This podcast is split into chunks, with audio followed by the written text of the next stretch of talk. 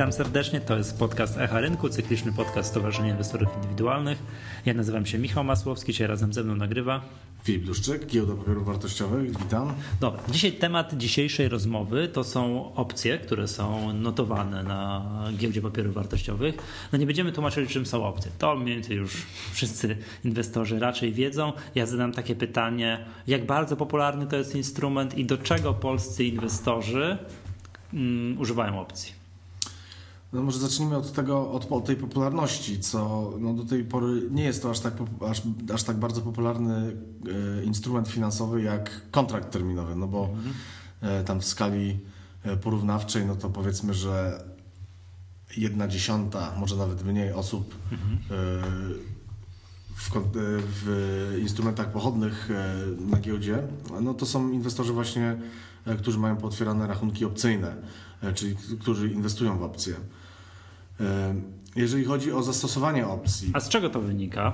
Tak mniej więcej, nie? Bo wiadomo, że kontrakty terminowe to jest historyczna sprawa, tak? Jak w 98 mm, no, startowały, pamiętam historyczne pierwsze artykuły gdzieś w parkiecie, że oto właśnie można było zarobić na spadkach. Pamiętam, że kontrakty terminowe debiutowały, o ile dobrze pamięć mieli, gdzieś tuż przed kryzysem rosyjskim. Mhm. I oto nagle stał się cud i można było na tych spadkach zarobić i byli tacy, co zarabiali, prawda?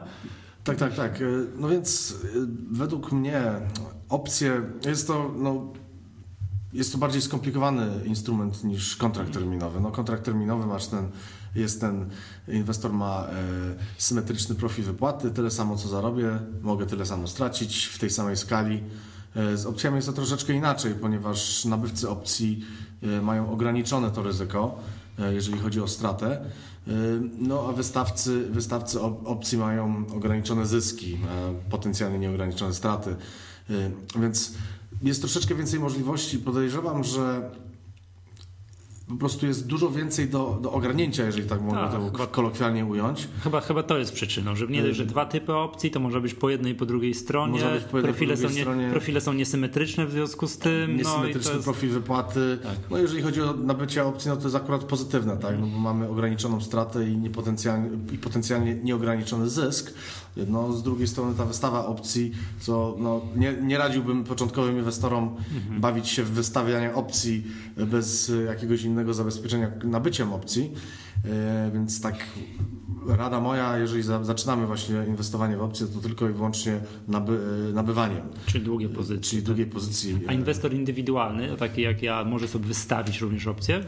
Jak najbardziej. Każdy może wystawić opcję, tylko trzeba mieć odpowiednie zabezpieczenie. Tam depozyt, Wiadomo, przy, tak? tak, depozyt zabezpieczający.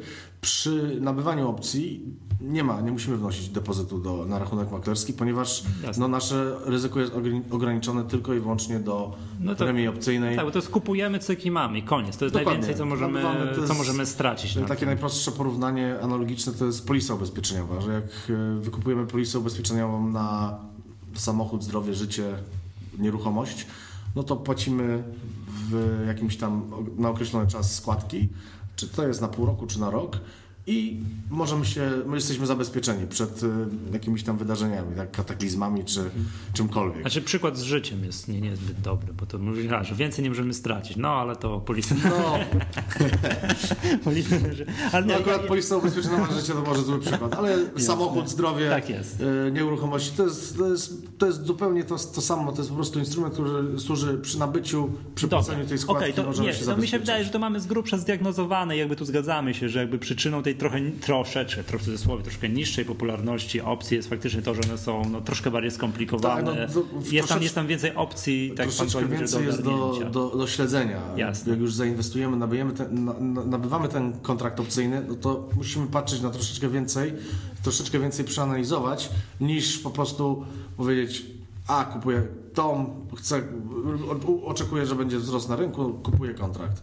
Nie, no przy opcjach jest troszeczkę więcej e, do przemyślenia, którą, e, który kurs wykonania chcemy wybrać, który miesiąc, e, jaki, jaki procent szansy, że dany, dany kontrakt no tak, zostanie wykonany. W czasie, tak tego, tam w czasie greckiego alfabetu trochę pouczyć, no, także są też, też jeżeli ktoś chciałby tam głębiej wchodzić. Wskaźniki mhm. greckie, czyli greki, no ale to już, to jest takie bardziej, to już są takie koncepcje bardziej zaawansowane, które dla początkujących inwestorów trzeba wiedzieć, że one tam są najistotniejszym takim wskaźnikiem greckim to jest delta, czyli wskaźnik zmiany ceny co do, co do w proporcji do zmiany instrumentu bazowego, ale jest to też procentowo szansa, że dany, dany kontrakt opcyjny zostanie wykonany. Czyli jeżeli kupuję E, jeżeli kurs indeksu jest na poziomie 2500, jeżeli kupuję opcję kupna z kursem wykonania 2500, mniej więcej delta tej opcji jest 50, czyli 50% szansy, że zostanie wykonany, 50% szansy, że zostanie niewykonany. Jasne, dobra, ale to już mniej więcej tam mamy tą diagnozę tych opcji jakby co do popularności mm, no, za sobą. Y, ja się wrócę do tego pierwszego pytania, do czego inwestorzy, którzy handlują tymi opcjami, do czego oni je wykorzystują? No, czy do bardziej spekulacji, czy też, czy też zabezpieczają swoje jakieś tam pozycje na akcjach. Y, właśnie, bo taka mała dygresja była, przepraszam. Y, no tak, więc y, uważam, że tak patrząc na, na inwestycje opcyjne u nas, u nas na giełdzie, uważam, że większość właśnie graczy jest nadal spekulacyjnych, ponieważ opcja jest bazowana na, na indeksie WIG20. Żeby zabezpieczyć jakiś portfel, no to ten portfel musi być jakoś wysoko skorelowany z tym indeksem, żeby mniej więcej była, żeby beta była podobna, prawda? Więc większość ludzi, podejrzewam większość inwestorów jest spekulacyjnych, czyli mają jakieś przeczucie, że będzie wzrost albo spadek i wtedy grają na grają właśnie na ten wzrost czy spadek. Już coraz więcej widzimy, że jest inwestorów już takich bardziej zaawansowanych, których, którzy wystawiają strategie typu Iron Condor czy Iron Butterfly, call spready wystawiają e, stelaże, e, różne inne... A z ciekawości, bo ja wiem, ja tak kojarzę sobie, przypominam jak te wyglądają te, te strategie, profile wypłaty tych strategii, to są inwestorzy indywidualni czy instytucjonalni raczej? E, większość inwestorów jest indywidualnych, powiedziałbym, że nadal. I te strategie, te takie sobie składają, tak, jakieś tam kształty, tak, tak. tak, To są też inwestorzy indywidualni? Oczywiście, oczywiście. No już no można, jest ich mało, bo, mhm. bo tam liczbowo no może być chyba, nie wiem, z tysiąc może rachunków, które, z tysiąc takich indywidualnych inwestorów na całej giełdzie, którzy obracają opcjami, ale jest ich coraz więcej i widać, y, że już, już bardziej zaawansowane takie koncepcje używają. Także no, brawo dla inwestorów indywidualnych, którzy, indywidualnych, którzy już y, działają na opcjach, bo no, i te pytania, które otrzymujemy też y, u nas w dziale, no już są też bardziej skomplikowane, bardziej zaawansowane. Także no, widzimy, że, że, że poziom wiedzy się na pewno powiększa cały czas, idzie do przodu. Niemniej jednak cały czas mamy mało tych inwestorów. Także... No tak, ale to jakbym tak popatrzył, taką analogię do, do przeszłości, tak jak chwilę rozmawialiśmy o kontraktach, to przypomnij sobie, że w tym 98, 9, jak ruszały kontrakty, to śmiem twierdzić, że było 100% inwestorów indywidualnych. No tak, oczywiście. No i czas płynie, oczywiście. czas płynie i jak się inwestorzy indywidualni zrobili odpowiednią płynność, no to się pojawili in, in, instytucjonalni i tak dalej, i tak dalej. Też jak mam takie wrażenie właśnie, że kontrakty ruszały, to też mam takie wrażenie, że 100% inwestorów było zainteresowanych no, spekulacją, czystą spekulacją oczywiście, i tak dalej. Oczywiście. A jak dzisiaj byśmy spojrzeli na to, kto handluje kontraktami terminowymi, no to widzimy, że tam jest bardzo dużo tych, co zabezpieczają pozycje, jest jakichś arbitrażystów jakieś no tak. i tak dalej. To widać później też pod, odpowiedniki po transakcjach koszykowych na, na rynku kasowym. Na rynku kasowym no i to mam wrażenie, że z opcjami, no tylko no, parę lat później sytuacja, sytuacja no, ma jakąś tam szansę się powtórzyć. No trzeba też sobie zdawać sprawę z tego, gdzie, gdzie nasz rynek był 25 lat temu. No, w sumie też nasz, nasz rynek jest bardzo, bardzo młodziutki. E, opcje powstały, no, no opcje, opcje opcjami nie są aż takie, aż takie wiekowe, no bo w 1973 roku został opracowany model Black-Scholes i w tym samym roku została otworzona y, giełda opcyjna w Chicago, także y, i, i, opcje jako instrument taki giełdowy został, zaczą, zaczął być notowanym przez taki, taki strukturyzowany produkt na giełdzie. Więc w roku 90, jak no, Polska dopiero obala, obalała komunizm, E, tak. Wchodziły, e, wchodziły na, na giełdę w Chicago opcje z miesięcznym cyklem wykonania. Także u nas nikt nie wiedział, co to jest w ogóle rynek kapitałowy, a tam już Dokładnie, handlowano Czyli coś, co w Chicago, czyli tej kolebce opcyjnej e, zostało wykonane w roku 90, u nas wprowadziliśmy dwa miesiące temu. Także no cały tak. czas w roku 90 w Chicago zmiany zostały e, dokonane na skutek zapotrzebowań rynkowych i my cały czas też no, na skutek zapotrzebowań rynkowych inwestorów indywidualnych i instytucjonalnych wprowadziliśmy właśnie na ten nowy cykl wygasania, o którym wszyscy E, wszyscy, którzy są zapoznani z opcjami, wie, wiedzą o, o, tych ostatnich zmianach i no jak, jak bardzo to uatrakcyjniło nasz produkt. Mhm.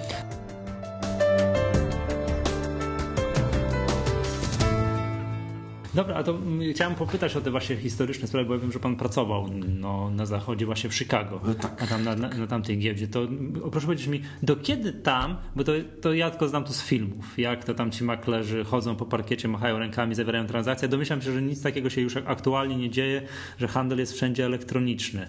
No o dziwo nie. O dziwo, nie. O, o dziwo nie. O dziwo, Czyli tradycja. O dziwo, no wiadomo, są to, jest to tradycja. Jest za dużo ludzi, którzy mają za dużo, za dużo e, e, za dużo przewagi takiej e, politycznej, to w cudzysłowie politycznej, jeżeli chodzi o tam struktury giełdy. Jest za dużo pieniędzy, które są nadal robione na transakcjach, prawda, dla giełdy y, i dla indywidualnych maklerów, którzy wykonują te transakcje. Także handel y, taki parkietowy, prawdziwy, no, no, fizyczny, no. taki fizyczny handel parkietowy cały czas istnieje w Chicago i ma się no, bardzo dobrze. Y, owszem, już nie we wszystkich produktach, bo większość produktów, które były handlowane tak fizycznie właśnie na parkiecie przez aktualnych ludzi stojących na parkiecie, przepychających się, e, pocących się, plujących i krzyczących. No niestety to na filmach tak wygląda. No tak, to, to, to wrażenia są takie, że takie coś na żywo zobaczyć, ale zawsze mi się wydawało, że to jest relikt przeszłości, że to są jakieś lata 70., 80. No z jednej strony tak, tak? ponieważ no, widzimy tendencję, widać tą tendencję, że chcą, to jest takie takie ciśnienie, żeby wszystkie te produkty przerzucić na, e, już właśnie na komputery, tak? Mhm. Na ekrany. Y, ale opcja na przykład, no jest to taki instrument, który jest w miarę jeszcze skomplikowany na tyle, że udaje mi się wszystkie opcje w Chicago, może nie wszystkie, ale te indeksowe, są jeszcze cały czas handlowane y, właśnie na parkiecie. E, Czyli jak to wygląda? Makler do maklera krzyczy, jaką ma ofertę, nie wiem, że kto to może ktoś.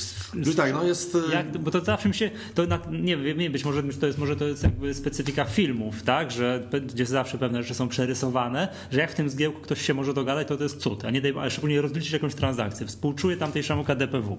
E, mimo, mimo tego, jak to wygląda, no, hmm. pamiętam jak pierwszy raz zaczynałem, yy, pierwszy raz stanąłem na, na tym parkiecie na giełdzie giełdzie, jak byłem zaraz po studiach i właśnie zobaczyłem ten cały... W Chicago? W Chicago, tak. tak. To był 30 e, sierpnia, 30 sierpnia 1998 roku. To był jeden z największych, jeden z największych e, e, dni takich spadkowych dla indeksu Dow Jones i S&P 500. W tamtych czasach był to rekordowy spadek, jeden z takich rekordowych. I to, co ja wtedy zobaczyłem, no po prostu no, wciągnęło mnie momentalnie. Nie wiedziałem, nie miałem pojęcia, co się dzieje.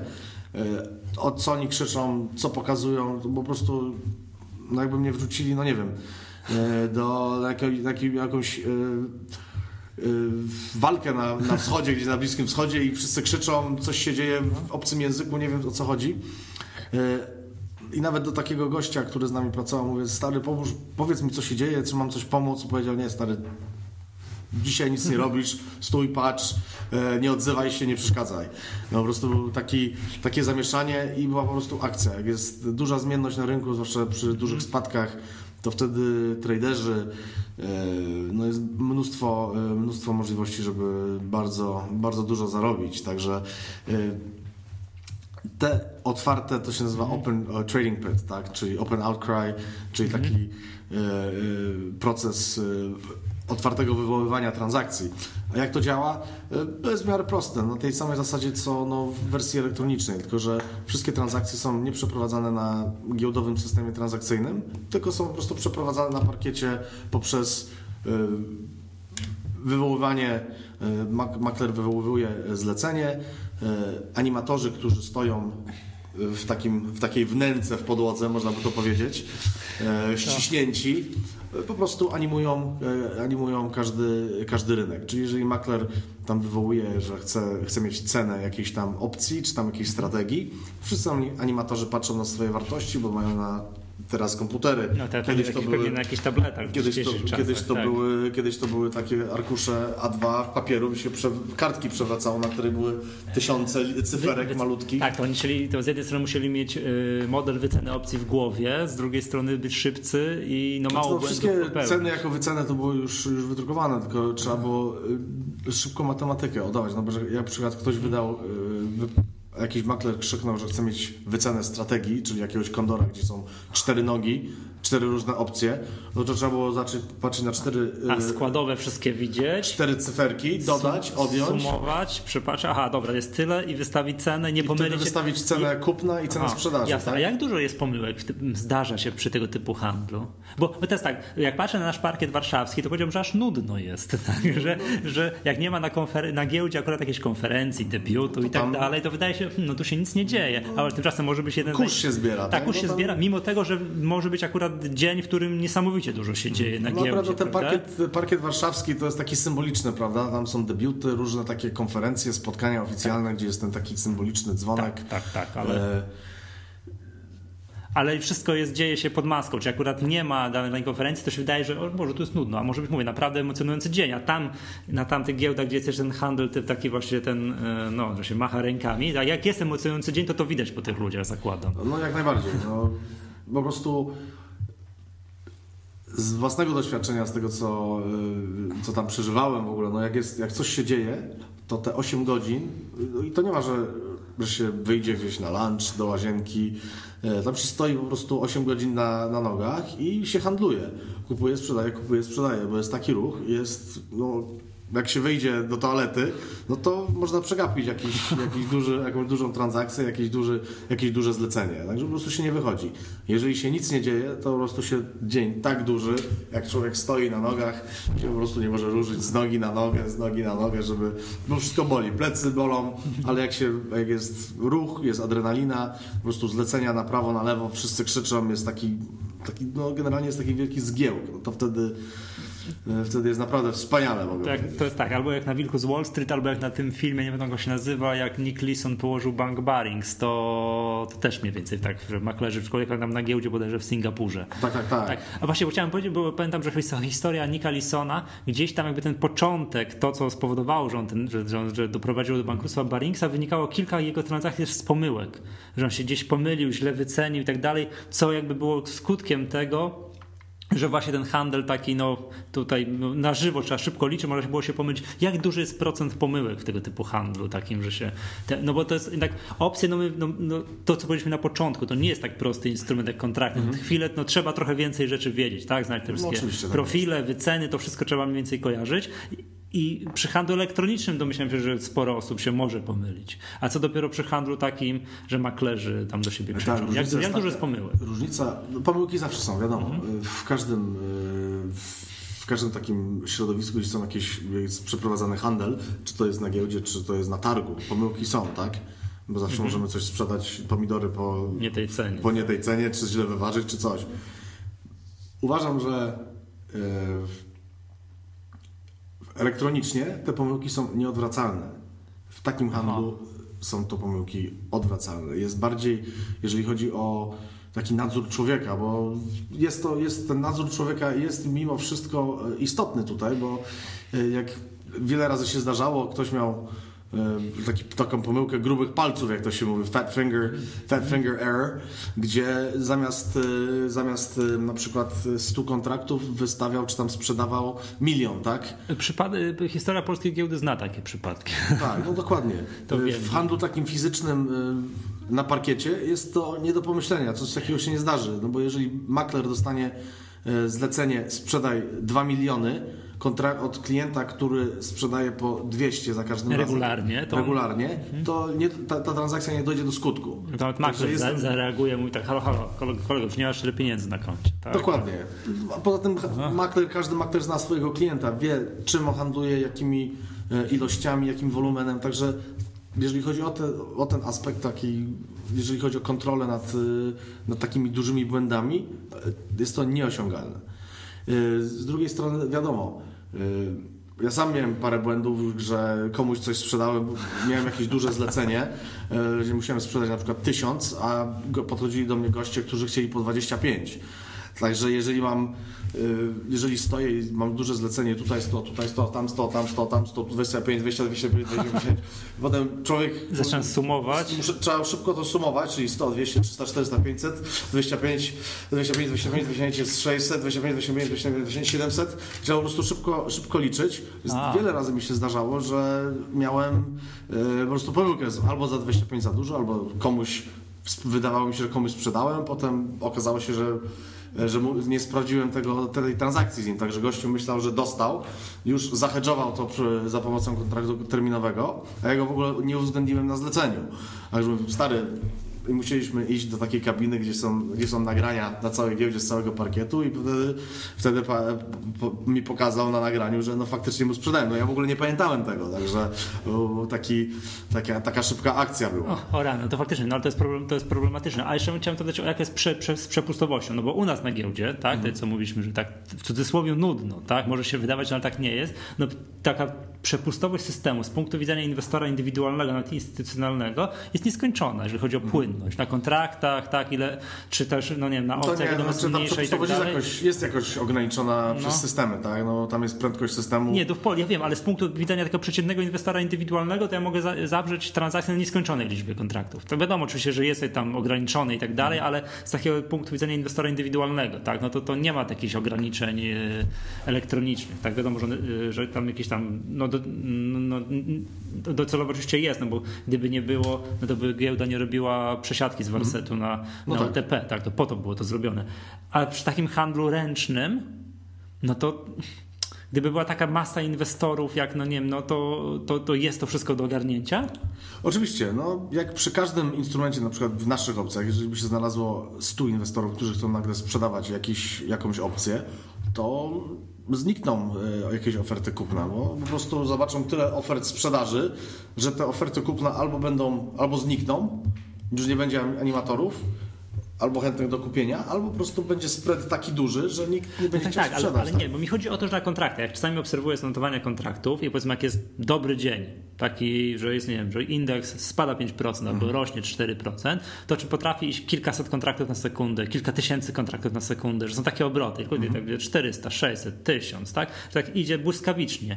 I to, to jest, wydaje mi się, że to w handlu elektronicznym oczywiście to jest możliwe, tak? Tysiące, czy tam dziesiątki tysięcy, setki tysięcy inwestorów siedzą przy swoich komputerach, mhm. składają zlecenie i nie ma sprawy, bo system to, tak, no, UTP to wszystko, no mówiąc tak kolokwialnie, łyka i nie ma problemu, przepustowość jest, a przy takim ręcznym, gdyby to przyszło no wiadomo, jest, zrobić maklerami jakiś, stojącymi na tak, parkiecie. Tak, no, jest jakieś to ograniczenie, prawda? Jeżeli, tak. jeżeli chodzi o inwestorów indywidualnych, mhm. którzy handlują tam małą ilością tych opcji, tam od no. jednego do 10 do może 20 y, sztuk, jeżeli chodzi o wolumen, no to nie ma. Zawsze będzie animator, który przyjmie ten jego rozmiar, prawda? Jeżeli przychodzi klient, który ma do sprzedania na przykład 10 tysięcy opcji, o właśnie. Y, na pewno nie zrobi to za jednym zamachem, no bo to wtedy rynek by oszalał. Y, przyjdzie i wystawi tysiąc. W Polsce przynajmniej, tak, że to jest. Nie mówię akurat teraz o takim rynku, o takim rynku właśnie na parkiecie, mhm. że ta płynność jest, tylko muszą po prostu zapytać. Makler po prostu przychodzi, słuchajcie, na tysiąc, tysiąc kontraktów dajcie mi, dajcie mi wycenę. No i wtedy animatorzy odpowiednio od wielkości zlecenia wyceniają, bo jeżeli wiedzą, że na przykład jest dany klient, który no zazwyczaj sprzedaje więcej niż tysiąc, na pewno za tym tysiącem tam jeszcze z parę dobrych tysięcy siedzi, Jasne. to mu nie dadzą, nie dadzą spreadu, spreadu, tylko po prostu rozszerzą albo albo po prostu przesuną ceny albo przesuną cenę we właściwą, jak ma tysiąc do sprzedania i potem za tym jeszcze parę tysięcy do sprzedania, no to mu nie dadzą takiej oferty kupna wysokiej, tylko po prostu da, dadzą ofertę sprzedaży na poziomie takiej, którą by chcieli sprzedać, tak?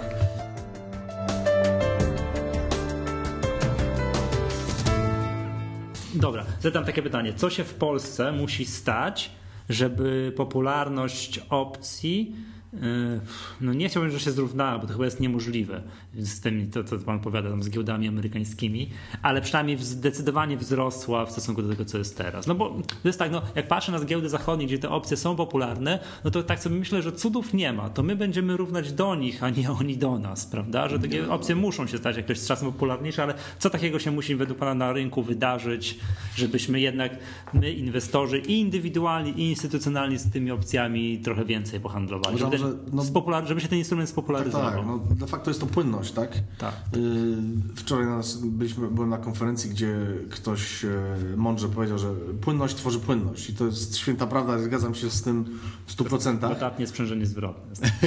tak, to wszystko się zgadza. Płynność tworzy płynność. Także jeżeli chodzi o polski rynek, no przede wszystkim wiadomo, musimy stworzyć płynność, tak? Możemy stworzyć płynny instrument, który zachęci, przyciągnie jakiś e, kapitał zewnętrzny ewentualnie. Płynności nie możemy stworzyć bez e, inwestorów indywidualnych, którzy tworzą no, dużą część, bardzo dużą część tego rynku. A żeby inwestorzy indywidualni zwiększyli tą płynność, musi, muszą być bardziej uświadomieni tych instrumentów, tak? Także tych y, rachunków, które, które operują opcjami nie może być tysiąc tylko, to, to 10 tysięcy, 10 tysięcy tak? tak? I to już będzie taka płynność, że będzie zauważalna, inwestorzy instytucjonalni się tym pochylą. O. Tak, jeżeli będzie, jeżeli zauważam instytucje, instytucje, że tutaj mamy taki rynek mały w Polsce, gdzie no widzimy, że jest dobra, dobra płynność, jeżeli chodzi, to jest głównie to są głównie inwestorzy indywidualni, no to przyjdą instytucje i stworzą dodatkową płynność. I tak się rozwija taki rynek. To wszystkie, wszystkie takie muszą się zgrać. No. Czyli to musimy, musimy przejść podobną drogę jak z kontraktami terminowymi troszeczkę. Oczywiście. Tylko, że trochę fajnie było, jakbyśmy przeszli ją nie w kilkanaście lat, tylko odrobinę szybciej. Prawda? To pasowałoby, ale no, to nie są, to nie są, to nie są e, e, plany na, na rok, tak? Bo to w przeciągu roku tego się, y, tego się nie stworzy takiego rynku. To, to są plany na lata, dlatego prowadzimy y, właśnie łącznie z, ze Stowarzyszeniem Inwestorów Indywidualnych różne akcje edukacyjne, e, promocyjne, żeby po prostu uświadamiać ludzi, udostępniać im wiedzę, którą e, no, możemy przekazać dla właśnie takich czyli, początkujących inwestorów. Czyli chyba nie ma drogi na skróty, akcja edukacyjna. Jak, myślę, że tak, że no, to, to jest nie da się, nie da się skrócić tutaj. Wiadomo, też trzeba pozyskać kapitał zagraniczny, ale myślę, że no, musimy się też bardzo skoncentrować. Nie możemy zapomnieć o takich indywidualnych inwestorach, którzy no, są bardzo dużą częścią tego naszego rynku. Tak, no i faktycznie, jak inwestorzy indywidualni zrobią taką pierwszą podstawową płynność, to pojawią się instytucjonalni, będzie płynność jeszcze i tak dalej, i tak, tak dalej. dalej. Takie no, dodatnie płynność tworzy płynność. Tak jest, i płynność, o, bardzo, bardzo mi się podoba, muszę sobie zapisać, zapamiętać. Płynność tworzy w przypadku opcji, że jak w przypadku chyba każdego rynku